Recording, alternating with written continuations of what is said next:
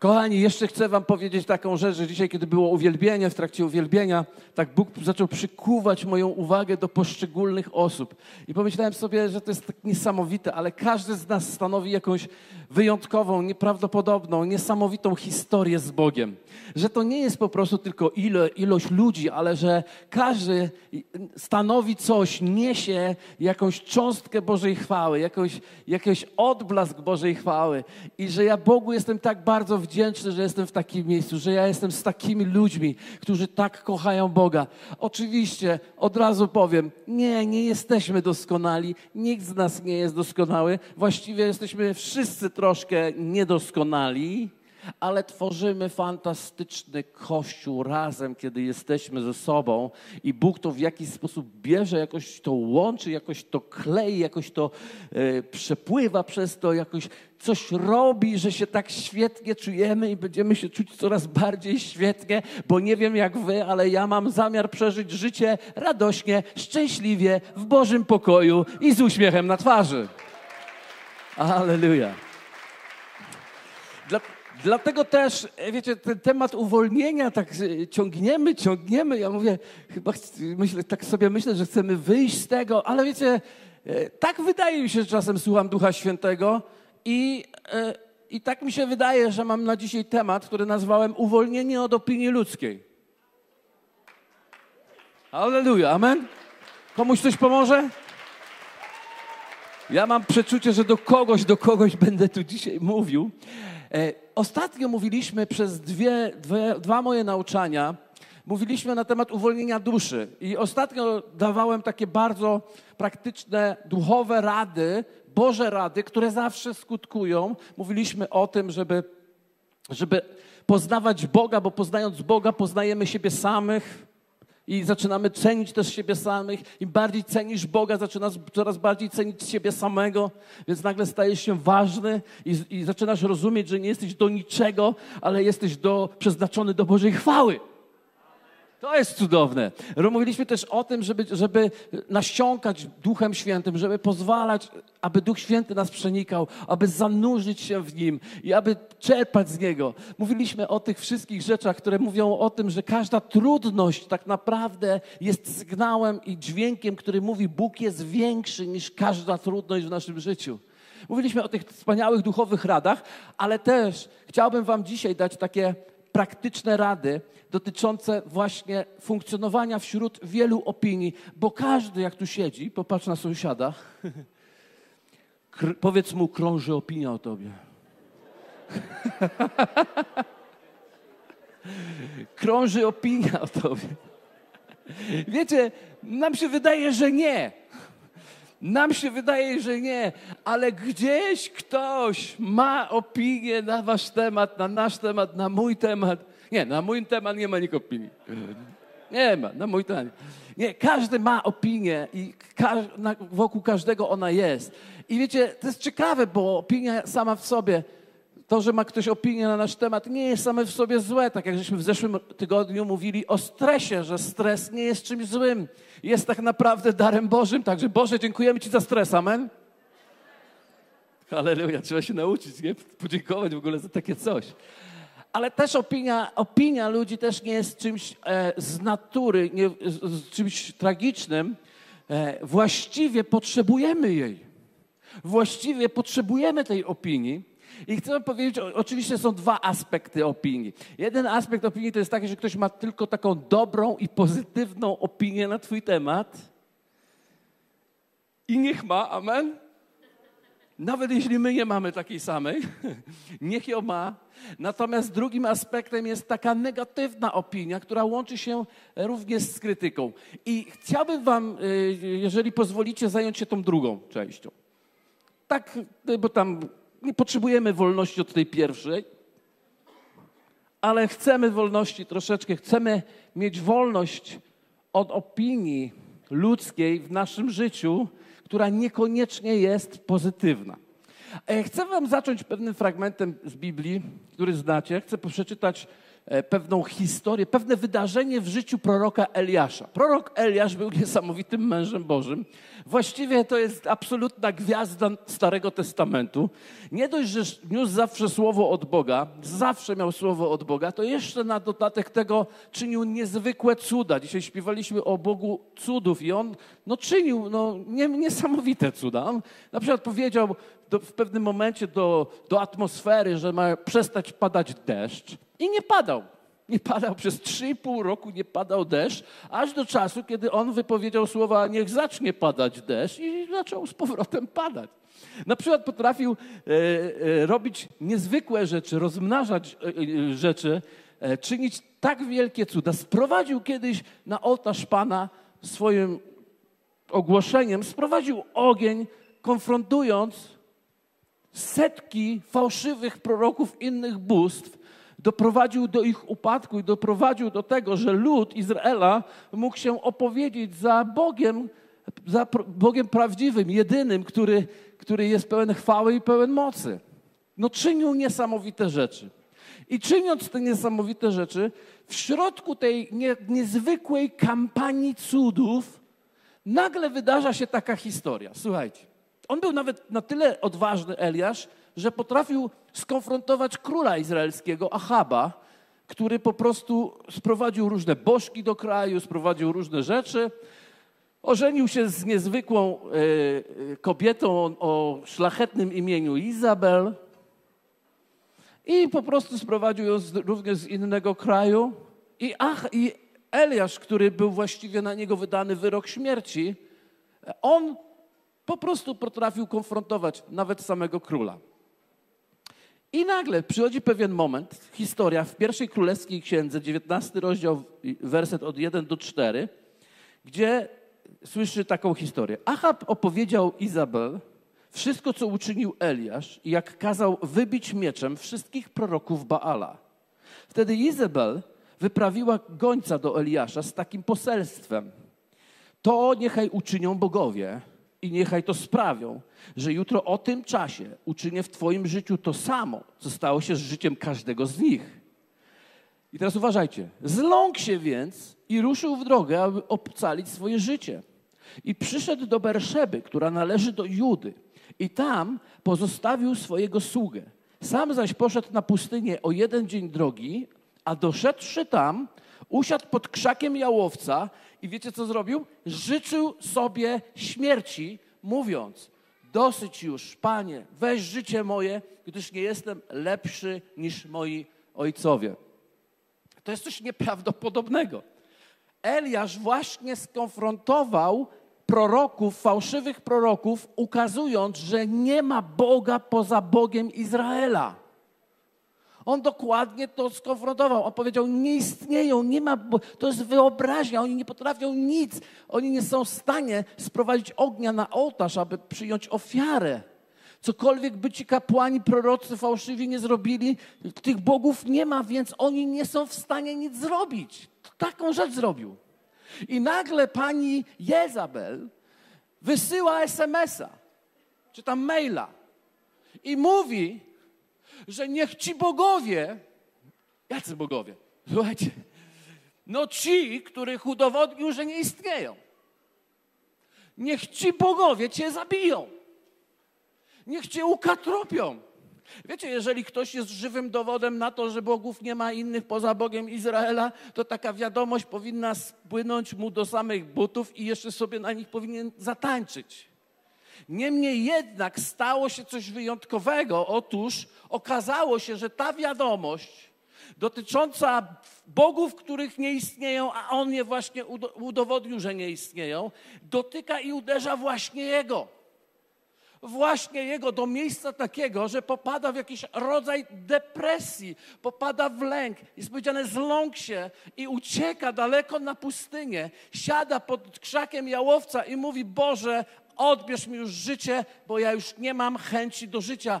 Generalnie ten Eliasz, wielki mąż Boży, ma myśli samobójcze. Hmm. I tak sobie myślę, kiedy myślę sobie o Eliaszu takim, wielkim mężu Bożym, to myślę sobie, nie ma mocnych. Znowu chyba mówię, nie ma mocnych. Ostatnio to samo powiedziałem. Ale faktycznie nie ma mocnych, bo nie mamy mocy poza Nim. Nie ma mocy poza Nim. Dlatego okazuje się, że nawet taki mocny Eliasz może wejść w taką przestrzeń, w której jedno zdanie, jeden SMS, jedna mail, jedno, jedna jakaś informacja może doprowadzić do stanu, w którym potrzebuje ratunku. A z drugiej strony mamy w Nowym Testamencie drugiego bohatera, tego, któremu Eliasz przygotował drogę, i tym bohaterem jest Jezus Chrystus. O nim powiada się, że mocą Belzebuba działa. Że to, co, jaką moc on używa, czyniąc wszystkie znaki, cuda, wyganiając demony, robi to mocą Belzebuba. Oni sugerują, że on jest fałszywym Bogiem. Oni, y, fałszywym człowiekiem, y, prorokiem. Oni też sugerują, że Jezus, i to ludzie w autorytecie, uczeni w piśmie, sugerują, że Jezus jest bluźniercą. Oni sugerują przewróżne rzeczy i widzimy Jezusa, który nigdy nie idzie pod krzaki jałowca, ale radzi sobie z tą opinią, którą jest na jego temat, a która nie była pozytywna generalnie. Była, wiecie, wielu ludzi za nim szło, Wielu ludzi za nim podążało. Tysiące osób potrafiło podejść, podążać za Jezusem, ponieważ on sprawiał, że mieli chleb do syta. Ale kiedy go ujęto i złapano, to nawet najbliżsi się od niego odwrócili i najbliżsi się jego zaparli. Któregoś dnia nawet mama przyszła i powiedziała: Jezu, ty chyba za, za bardzo tutaj szalejesz. I chciała go powstrzymać, bo była zaniepokojona. Czym była zaniepokojona? Opiniami, które panowały wokół Jezusa.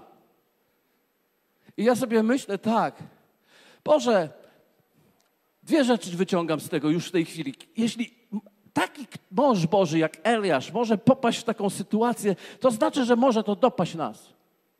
Każdego. Ale drugą myśl, którą mi rodzi się, patrząc również na Jezusa, a to On jest sprawcą i dokończycielem mojej wiary – to myślę sobie, można wejść w miejsce, gdzie ochronię swoje życie i nikt nigdy nie zniszczy mojego życia, ponieważ moje życie jest w rękach mojego Boga, który jest moim życiem, prawdą, moim odkupieniem, moim wzmocnieniem, moją siłą. Amen.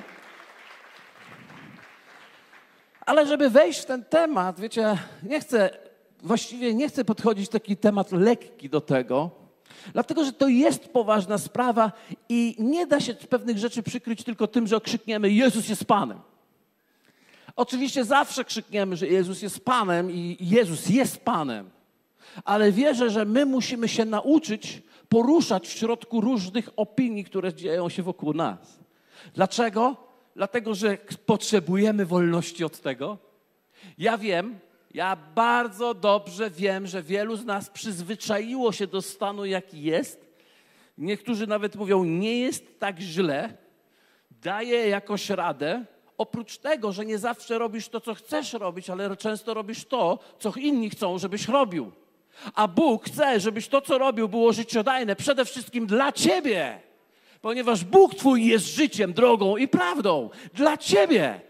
Bóg nie chce, żebyś robił rzeczy, które nie są życiodajne dla ciebie, tylko dlatego, że inni myślą, że to powinieneś robić. Bóg chce, żebyś robił rzeczy, które są życiodajne dla ciebie, bo On chce, żebyś to robił. Amen. Wiecie, wielu ludzi będzie miało pomysł na nas, na ciebie, na twoje życie, ale to nie oni mają mieć pomysł na ciebie, to Bóg ma pomysł na ciebie. I to my musimy odkryć to. Ale zacznijmy od początku, dobrze?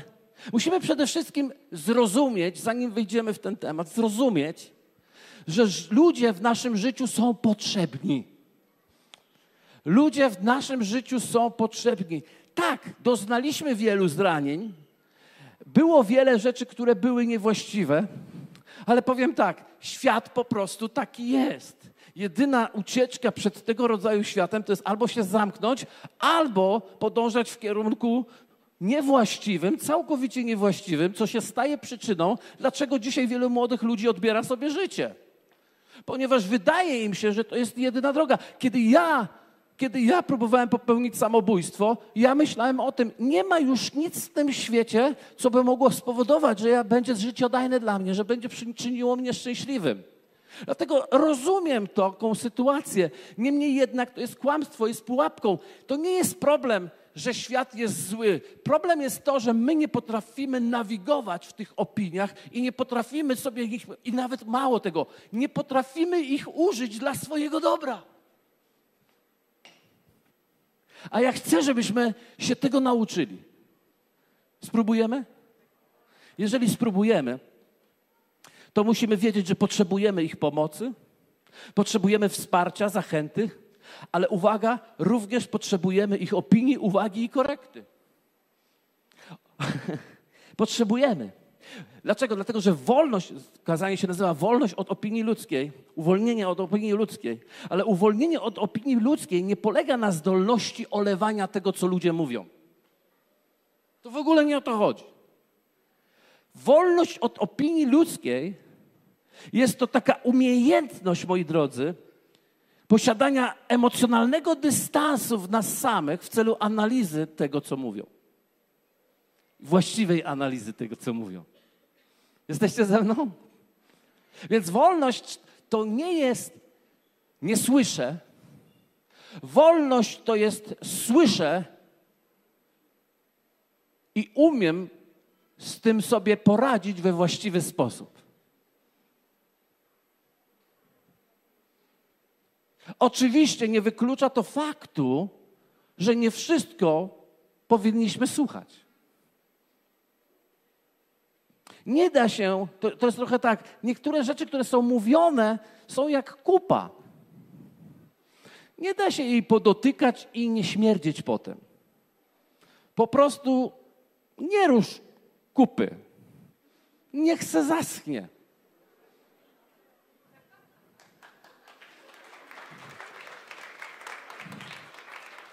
Niemniej jednak, jeśli słyszymy negatywne zdanie na nasz temat, niekoniecznie to oznacza, że to jest kupa. Ale musimy w to wejść. Ponieważ mówię pierwszy raz na ten temat, więc e, tak trochę będę tak mieszam, ale myślę, że będziemy to e, rozumieć. Wydaje mi się, że powinniśmy sobie odpowiedzieć na pytanie, czy krytyka naszego życia jest zawsze zła. Czy krytyka jest zawsze zła? I przedstawię Wam dwie definicje, takie słownika języka polskiego, dwie definicje na krytykę.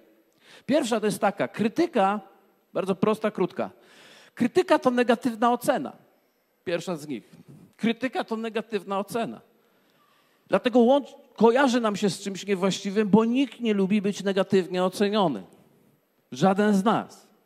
Musimy się nauczyć, jeżeli jeżeli jest to krytyka, która w jakiś sposób jest prawdą o nas, musimy się tego nauczyć, w jaki sposób mo możemy taką krytykę przyjąć jako korzyść dla nas. Ale druga, i tym się chciałbym zająć bardziej, druga definicja jest taka: krytyka to rzetelna analiza książki, filmu, wydarzenia i tak i tym podobnym nas samych, ale w sposób szukająca, szukających tych wad, tych słabości, tych niedoskonałości, żeby je jednak znaleźć. Zatem to nie jest przyjemne. Ale gdyby nie krytyka, my nigdy nie mielibyśmy możliwości i szansy się rozwijać. Są ludzie, którzy nie są w stanie przyjąć żadnej krytyki, nawet swojej własnej i się nigdy nie, nie rozwijają. Natomiast to, czego my się musimy nauczyć, to to, że potrzebujemy krytyki i ja chciałbym Was dzisiaj wyprowadzić z tej sali z poczuciem, że krytyka to fantastyczna rzecz.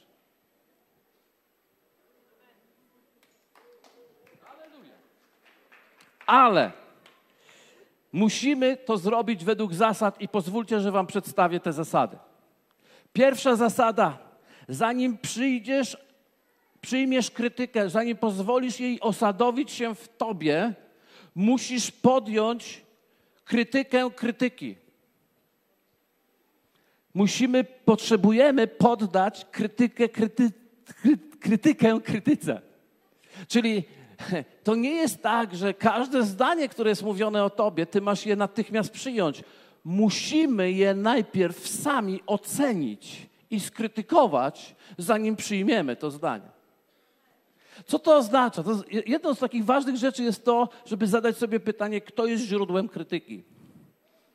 Kto lub co jest źródłem krytyki? Czy krytyk, kry, czy krytyk krytykuje mnie po to, żeby ja miał lepiej w życiu? Takie pytanie sobie zadaj. Czy krytyk krytykuje mnie, ponieważ chce mi pomóc polepszyć moje życie? Czy może krytykuje mnie dlatego, żeby on poczuł się lepiej? Dlaczego? Dlatego, że, że my w naszym społeczeństwie, w którym żyjemy, dojrzałość do właściwego pomocy drugiemu człowiekowi jest deficytowa. Jest, nie jest łatwa. Okazuje się, że wielu ludzi nie potrafi być w takim charakterologicznym miejscu, żeby móc troszczyć się o dobro innych ludzi, nawet do miejsca, w którym czasem trzeba powiedzieć coś trudnego. Nawet jeżeli mamy fajnych ludzi wokół siebie, to oni często wolą przemilczeć pewne rzeczy, niż nam powiedzieć, ponieważ boją się, że się utraci relacje między sobą, ponieważ nie umiemy ani przyjmować, ani tej krytyki udzielać. Po prostu nie potrafimy. Ale ważne jest, żebyśmy zapytali się, czy, z jakiego motywu ktoś krytykuje moje życie, mnie, moją osobę. Jakie przekonania stoją za daną krytyką? Jeżeli osoba, która ma Ciebie skrytykować, ma całkiem inne przekonania niż Ty, to chcę Ci od razu powiedzieć, że jego krytyczna ocena będzie zawsze powiązana, połączona z tym, że będzie chciał wprowadzić swoje przekonania do Twojego życia, więc z założenia nie będzie mu chodziło o dobro, tylko będzie mu chodziło o skopiowanie siebie w Tobie. W związku z tym musimy, musimy po prostu również zobaczyć, czy osoba, która ma prawo mnie krytykować, to jest osoba, która również podziela moje przekonania. Jeśli nie, to niestety nie musi, albo stety nie musimy przyjmować takiej krytyki do siebie. Uwaga, a jeśli osoby krytykujące nas, uwaga, to jest kolejna rzecz, dobrze nam życzą, to również trzeba pamiętać, że osoba, że opinia tych ludzi, którzy nam dobrze życzą, również jest przefiltrowana przez ich doświadczenie życia. Zatem okazuje się bardzo często subiektywna. I często ludzie, którzy nam dobrze życzą i mówią nam coś z troski i z właściwego takiego poczucia, że się o nas martwią i chcą naszego dobra, nadal trzeba wiedzieć i trzeba mieć świadomość, że często filtrując to przez własne doświadczenia, ta ocena będzie e, e, subiektywna. Ona będzie ocena wynikająca z ich wizji świata, z ich wizji rozumienia rzeczywistości. Nie chodzi o to, żeby w tym wtedy jakoś stawać przeciwko temu, ale trzeba mieć świadomość, że nawet osoby dobrze życzące nam niekoniecznie mogą nam pomagać. No, jeżeli też dlatego, czy też z, z takiego powodu, jest to, że nie wszyscy rozumieją o wszystkim wszystko. Wiecie, są w życiu takie osoby, które muszą wypowiedzieć się w każdej sprawie, chociaż się nie znają na wszystkim. Niektóre takie znam. Po prostu zawsze się wypowiedzą, zanim pomyślą. Ponieważ czują, że jeśli, jeżeli ktoś czuje, że powie nie wiem, to jakby obniżył swój standard. Więc my, pastorzy, mamy z tym duży problem. Ktoś nas pyta, a jak pastorzy jest z tym? No, z tym jest ten i szyjemy na żywca. Na żywca szyjemy. Bo się wstydzimy powiedzieć nie wiem. Albo lider w grupie. Lider prowadzi grupę, na grupie domowej ktoś coś zapytał i lider nagle w panice i googluje na boku. Sztuczną inteligencję uruchamia, żeby tylko sprawdzić, żeby tylko odpowiedzieć, bo nie wiem jest takie tragiczne. W ogóle jest nietragiczne. Nie wiem, to nie wiem. Jak się nie znam, to się nie znam. I dlatego warto jest wiedzieć przede wszystkim, z kim podróżujemy, kto mówi do naszego życia. Więc pierwsza rzecz to jest, musimy poddać krytykę krytyce, ale druga rzecz jest ważna, to jest odpowiedzenie sobie na pytanie, czy dana krytyka jest właściwa na dany moment. Czy dana krytyka jest właściwa na dany moment. Wiecie, ktoś może przyjść do ciebie i powie tak, powinieneś się zająć tym. Powinieneś się zająć tym. I wiecie, być może ma rację. Być może powinieneś się tym zająć. Ale jeśli jesteś w zupełnie innym sezonie życia, bo masz do tego dar, masz do tego zdolności, masz do tego sprawy, ale jeśli jesteś w innym zupełnie sezonie życia, czasami ta krytyka może będzie dobra za jakiś czas, ta sprawa będzie dobra za jakiś moment, ale w tym momencie ona nie dotyczy mnie, ponieważ jestem w innym momencie życia. I teraz uwaga, uwaga, to jest bardzo ważne. Masz prawo bez poczucia winy, wiedząc, że tym się masz zająć kiedyś, powiedzieć: Jest dobrze dzisiaj. Amen. Jest dobrze dzisiaj. Do, tak się zapytam, dobrze mi idzie tak na marginesie, tak? Okej, okay. trzecia rzecz, bardzo ważna, naprawdę zapisujcie sobie te rzeczy, bo jak się nie nauczycie tego, to, tak, to wiecie, krytyka może nas zbudować, krytyka może nas zniszczyć. Dwie rzeczy może zrobić. Kto chce, żeby go zbudowała? Buduje się tylko i wyłącznie intuicyjnie. Nie, intencyjnie. Ciągle mylię Intencyjnie. Intencjonalnie nawet. Tak jak moja żona mówi. Tak się buduje. Czyli muszę planować, muszę się wyuczyć, muszę świadomie poświęcić temu uwagę i czas. A jeśli chcesz, żeby cię jednak niszczyła, to możesz nic nie zapisać i nic nie analizować. Możesz to zostawić, niech gadają. Ale polecam raczej spróbować przygotować się. Trzy. Czy krytyka próbuje ciebie określić, czy, skory, czy skorygować? Określić, czy skorygować. Wiecie, samo słowo skorygować oznacza coś dobrego.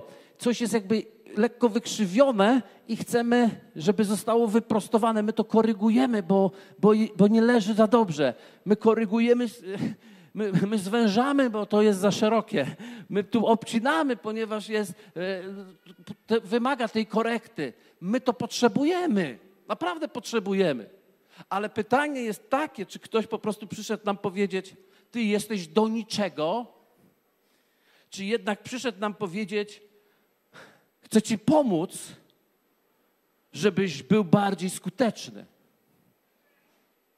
Dlatego tak bardzo ważne jest to, żeby w ogóle, słuchajcie, to jest i tu w pełni wam powiem, jeżeli ktoś ciebie epitetuje i nazywa jesteś taki, albo taki, albo siaki i nie rozumie różnicy między tym, co czasem robię, a tym, kim naprawdę jestem, to chcę Wam powiedzieć z pełną świadomością, nie musisz w ogóle słuchać takiego dźwięku.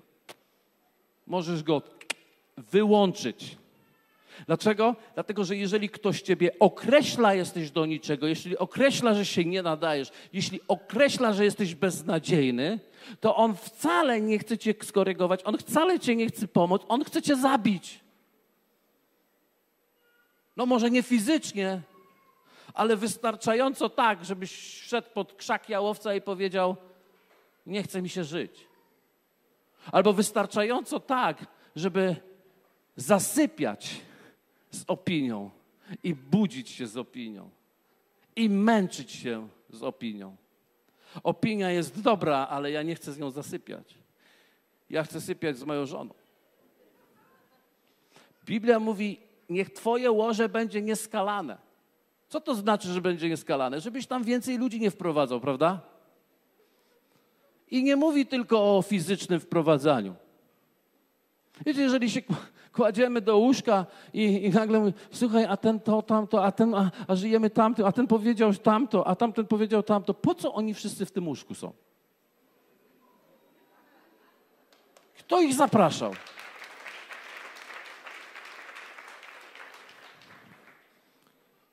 masz zasypiać przyjemnie i budzić się przyjemnie.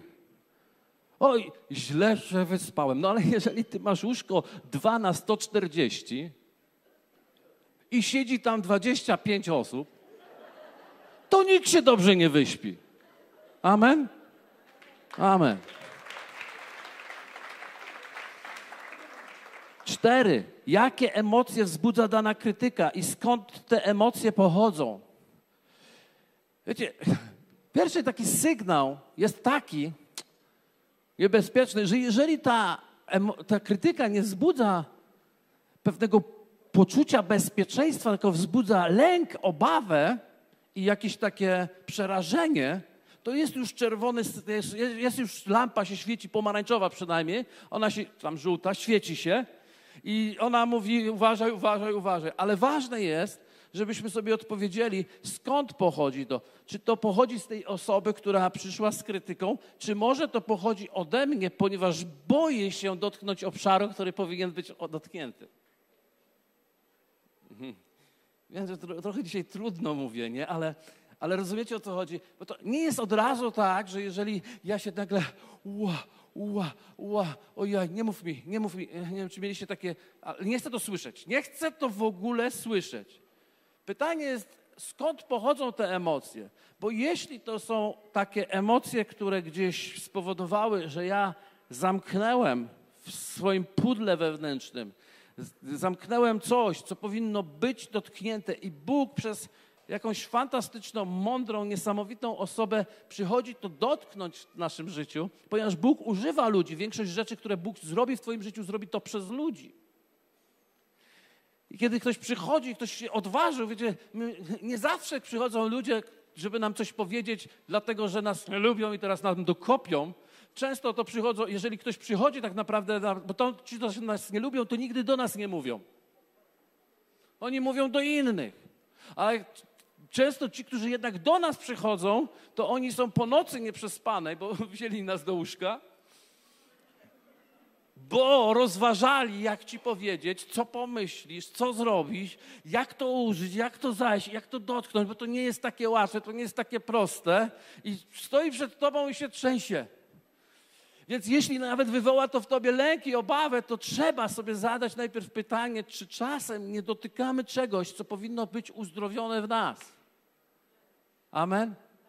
Dlatego tak bardzo ważne jest, żeby to rozpoznać, ponieważ jeżeli ta dawka duchowych emocji płynie od osoby korygującej, nie musisz tego zrobić. Możesz powiedzieć, nie, dziękujemy bardzo, ale nie potrzebuję tego, ponieważ naprawdę nie potrzebujesz każdej opinii do swojego życia.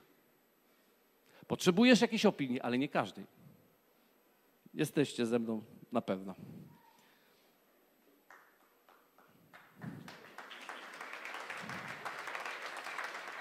Pięć. Jak ktoś sobie zapisuje, to niech zapisuje sobie pięć. To jest fajne.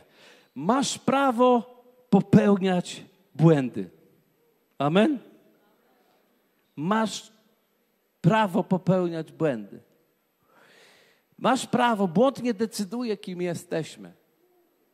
Błąd świadczy tylko o tym, że próbujemy coś zrobić z naszym życiem. Błąd nie decyduje to, kim jesteś. Błąd mówi o tym, że próbowałeś coś zrobić, co ma sens w Twoim osobistym życiu. Wiecie, jak byłem młodszy, ja się za dobrze nie uczyłem.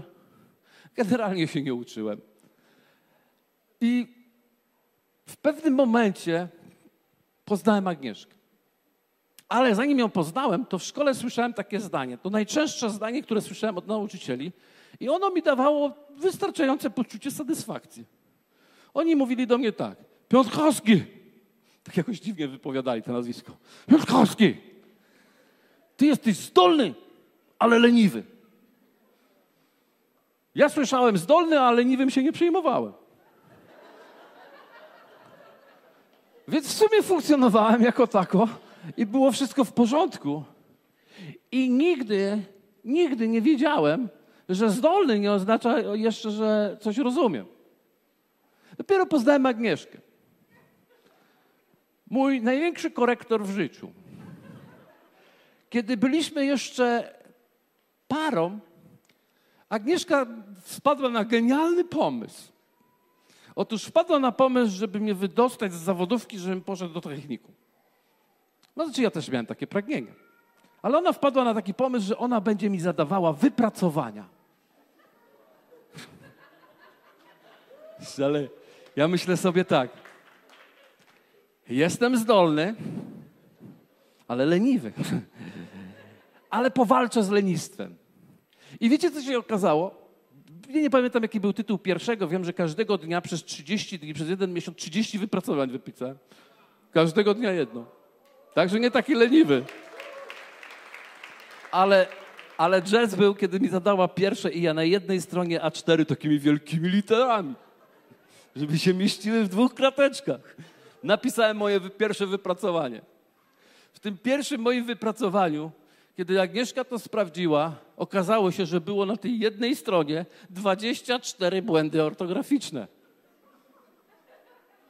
Ja nagle sobie uzmysłowiłem, że nie jestem aż taki zdolny. Właściwie zrozumiałem, że jestem beznadziejny. Ale też również zrozumiałem, że te błędy dawały mi dobry sygnał, żebym coś z tym zrobił. I w drugiej połowie miesiąca nagle miałem już dwie, trzy strony z trzema, czterema błędami ortograficznymi.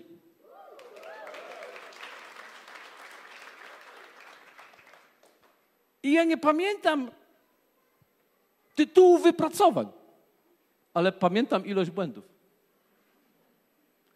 Dlatego, że one dawały mi pewien sygnał ale gdyby w pierwszym dniu popatrzył na tą kartkę, 24, a ile można mieć? No dwa to już tam dwuja chyba, czy trzy, jeszcze nie pamiętam. To bym sobie pomyślał, będę, kim będę? Nie wiem, kim będę, jak ja 24 błędy ortograficzne. No, będę bezdomnym menelem. I rzuciłbym po prostu taką kartkę. Nie, okazało się, że dałem sobie prawo do zrobienia błędów. I okazało się, że można popełniać błędy, bo to dopiero jak je popełniłem, dopiero zdałem sobie sprawę, gdzie jestem, a to, że kiedy zdałem sobie sprawę, gdzie jestem, to mi pokazało kierunek, w którym mam podążać. No i co? I dostałem się do tego techniku. A maturę po trzech latach zdałem najlepiej w szkole.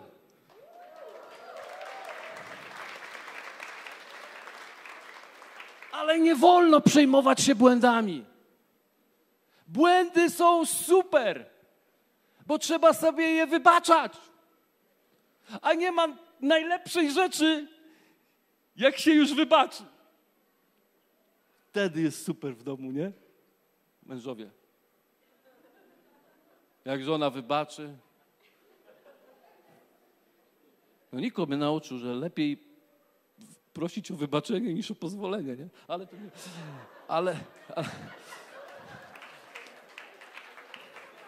Ale chcę wam, chcę wam dokładnie to powiedzieć, że tak naprawdę popełnianie błędów i doświadczanie naszych niedoskonałości we właściwy sposób powoduje, że zacieśniają się nam więzy. Jednocześnie stajemy się lepsi, a jednocześnie stajemy się bardziej połączeni i bardziej zdrowy sposób połączeni. Ja zawsze do mojej żony mówię, wrzuciłem posta na Facebooka. Nie czytajcie przez pierwszą godzinę moich postów. Po korekcie mojej żony. Będę pisał, po korekcie żony teraz będę pisał, to znaczy, że już są sprawdzone. Ona mi pomaga i ja się z tego nie wstydzę. Ja pamiętacie, miałem po prostu całe dzieciństwo trochę do tyłu, ale ja się tego nie wstydzę, że ktoś mi pomaga. Mam kogoś, kto mi pomaga. Nie wiem wszystkiego. Jest tu taki mój znajomy, jeden Łukaszek, fajny człowieczek tego. On mi cały czas mówi, że jak źle akcentuje w kazaniu. Co ja zrobię z tym? Ja nie wiem, gdzie ten akcent, czy ja w ogóle mam, ja mam jakiś akcent? Ja nie słyszę żadnego akcentu. Także wybaczcie, nieraz mi nie wyjdzie. Ale nie chodzi o to, że mi nie wyjdzie. Chodzi o to, czy Duch Święty jest pośród nas. I czy On robi rzeczy pośród nas. Okej. Okay. Dobrze, gdzie jestem? Kolejna rzecz. Stwórz listę W ogóle ja pomieszałem punktację, bo mi się tutaj coś wyskoczyło źle, wszystko, ale nieważne. To jest, stwórz listę specjalistów w danych dziedzinach. Dlaczego? Dlatego, właśnie dlatego, że nie wszyscy wiedzą wszystko. I masz prawo mieć listę specjalistów. O, trzeci punkt czytam, ja tam dokładnie, to jest trzeci. No, tak, bo jeszcze raz wam podam, bo tamte podpunkty to były do punktu. Y, pierwszy jest tak, potrzebujemy poddać się krytyce, to jest pierwszy punkt, tak? A drugi punkt, musimy wiedzieć, że mamy prawo popełniać błędy, które przed chwilą powiedziałem. I teraz mamy trzeci punkt, stwórz listę specjalistów w danych dziedzinach. Stwórz, taką listę. Musisz potrzebować mieć osoby, które się w czymś znają. Jeśli chcesz podążać w jakimś kierunku, to ich pytaj, a nie osoby, które się nie znają. I tutaj niestety właśnie nie zawsze działa zasada najbliżsi. Czasami trzeba wyjść poza grono najbliższych, żeby po prostu sięgnąć do, do informacji, które mają, ma ktoś, kto nie ma w zasięgu Twojej bliskości. I to jest mądrość, to jest coś niesamowitego. To jest siła Kościoła właśnie, dlatego że w Kościele zawsze coś jest, chociaż nie ma dendrologa. Ale jakby był, to teraz blokuje produkt. Nie przyjdzie do mnie. Ale potrzebujemy, potrzebujemy ludzi, którzy są wokół nas i którzy się znają na rzeczy, komu będziemy mogli zadać pytanie. I niech to nie będzie jakaś wielka masa ludzi, bo każdy specjalista od specjalistów. Nie wiem, czy robiliście remonty nieraz, jeden remont różnymi ekipami. Zauważyliście, że ci pierwsi robią, wiedzą najlepiej, a ci drudzy stwierdzają, że ci w ogóle nic nie wiedzieli. A ci trzeci stwierdzają, że ani jedni, ani drudzy nic nie widzieli i potem ci kończą, a ty nawet klapy od yy, kibelka nie możesz otworzyć. Albo ci cały czas spada. Bo oni wiedzieli, wszyscy wiedzieli. Musisz wiedzieć, kogo naprawdę chcesz słuchać, musisz wiedzieć, kogo naprawdę, od kogo naprawdę cenić opinię w danych dziedzinach. Cztery. To jest ważne. Określ bliskie i dobrze ci życzące osoby, którym dasz prawo do korekty. Dasz prawo do korekty. I teraz uwaga, bliskie osoby, którym dasz prawo. Teraz uwaga. Po pierwsze, bo wiecie, wiem, wiem, co to znaczy bliskie osoby, którym dasz prawo do korekty. Idę do, do osoby, która mi pochlebia za każdym razem i mówię, możesz mi mówić, cokolwiek czujesz. O, pastorze, ty jesteś wyjątkowy, ty jesteś cudo na ziemi, ty jesteś normalnie taki mądry. Nie, nie, nie. Szukaj osoby, która ci powie prawdę. Szukaj osoby, która ci powie prawdę. Fajnie by było, i to często tak jest, że żona ci powie prawdę. Wiecie, y, opowiadała mi Agnieszka ostatnio taką historię, którą przeczytała w książce, która byłaby, mogłaby być równie dobrą e, historią na mój temat. Otóż jeden pastor po powiedzeniu kazania y, zaczyna dostawać podziękowania od wszystkich i w ogóle, że w ogóle, że szczególnie. No i tak wsiada do samochodu, tylko że i żona tak siedzi koło niego i, i tak milczy. I tak trochę milczy. No i w końcu on mówi, wiesz co, kochanie, jak myślisz, czy w Polsce, w tym kraju jest y, dużo takich dobrze zapowiadających się pastorów jak ja? A żona się tak odwraca i mówi, na pewno o jednego mniej niż myślisz.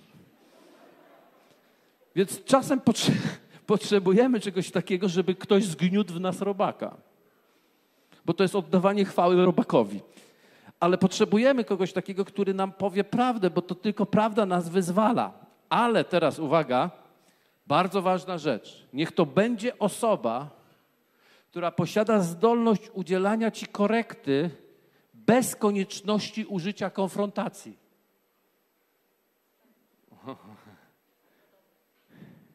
Wiecie, nie jest prawdą, że każda korekta musi być konfrontacją.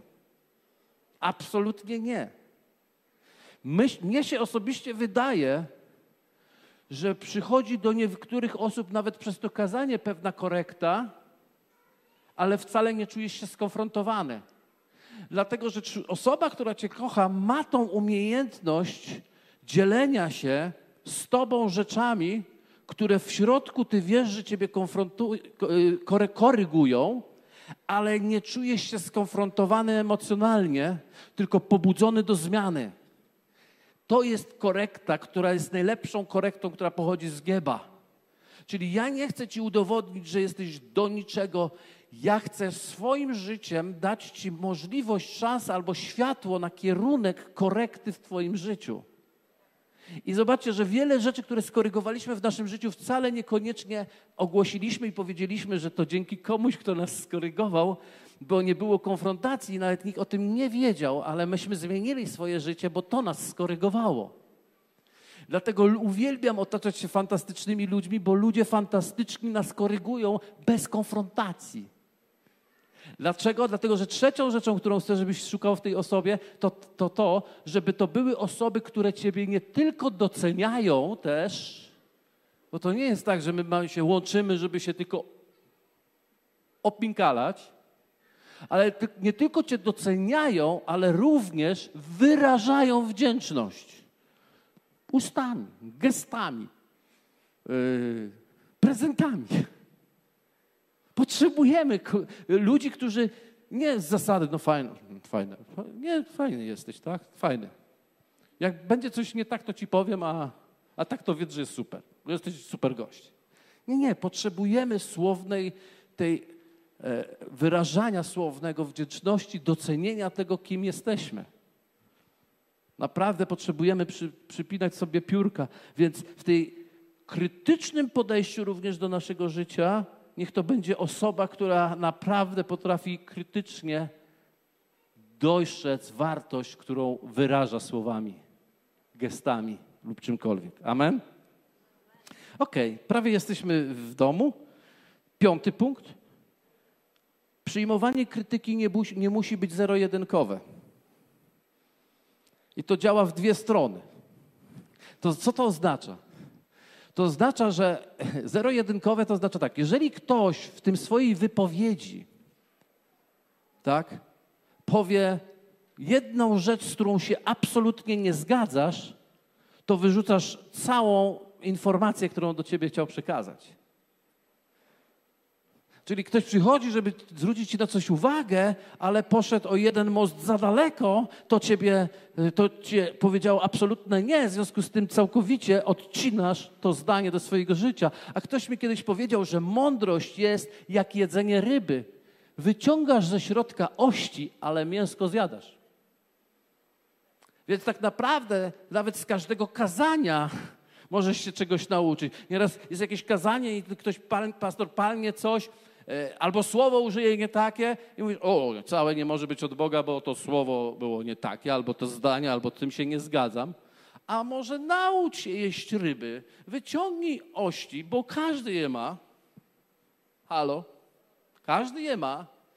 I zjedz mięso, bo z głodu chłopie umrzesz. Jeżeli będziesz wywalał jedzenie. Więc e, nauczmy się, że to nie jest po prostu tylko tak zero, zero jedynkowe. Ok, sześć. Masz prawo nie przyjąć krytyki bez poczucia winy. Amen.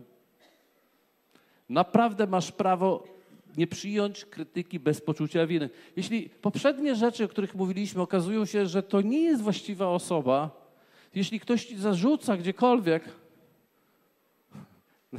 często śmieszy mnie to, na Facebooku. Jak nie reagujesz na coś, to ci napiszą, nie reagujesz, bo się czujesz winny. Nie, nie, nie czuję się winny.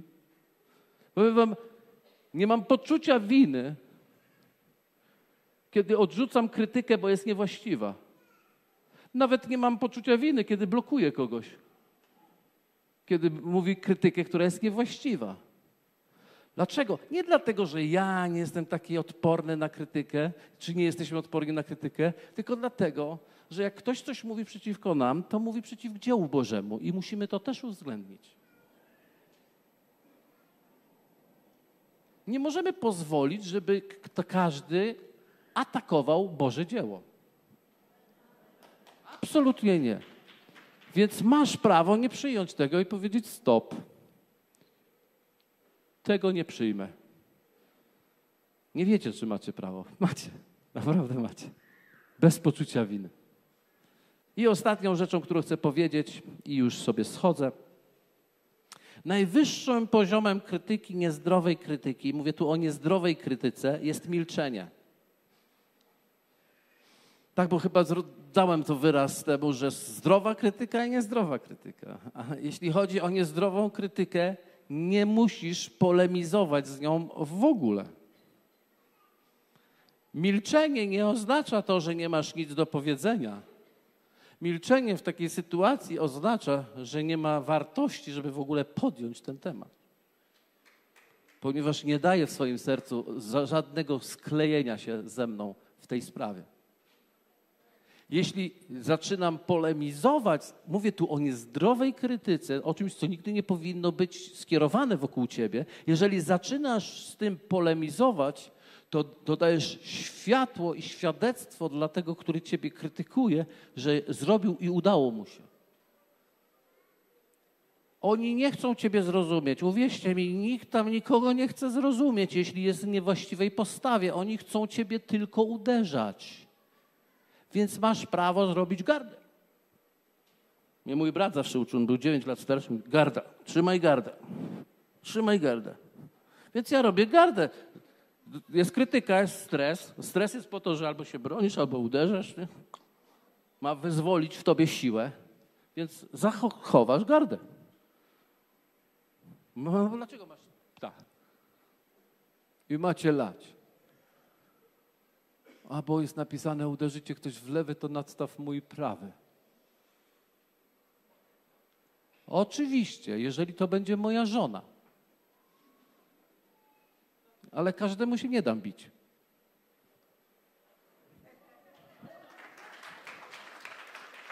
Jeśli ktoś ma mnie bić, niech nawet bicie ma sens. Jesteście ze mną? Dlatego mam prawo powiedzieć albo nic nie powiedzieć.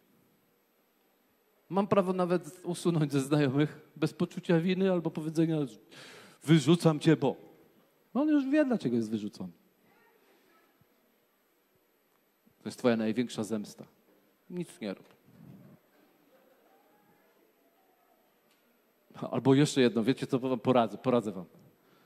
Usunęliście ze znajomych, ale raz na jakiś czas około 12, 23.37. Wiecie kiedy to jest? Albo jeszcze 0037, to już tak hardkorowo. Wchodzisz jednak na jego profil i grzebiesz te posty. Jak on tak może, jak on tak może. Człowieku, chroń siebie. Po co ci? Kto dotyka kupy, śmierdzi kupą. Zasypia z kupą i budzi się z kupą. A trzeba być higienicznym człowiekiem. Amen? I tym skończę moje dzisiejsze wywody.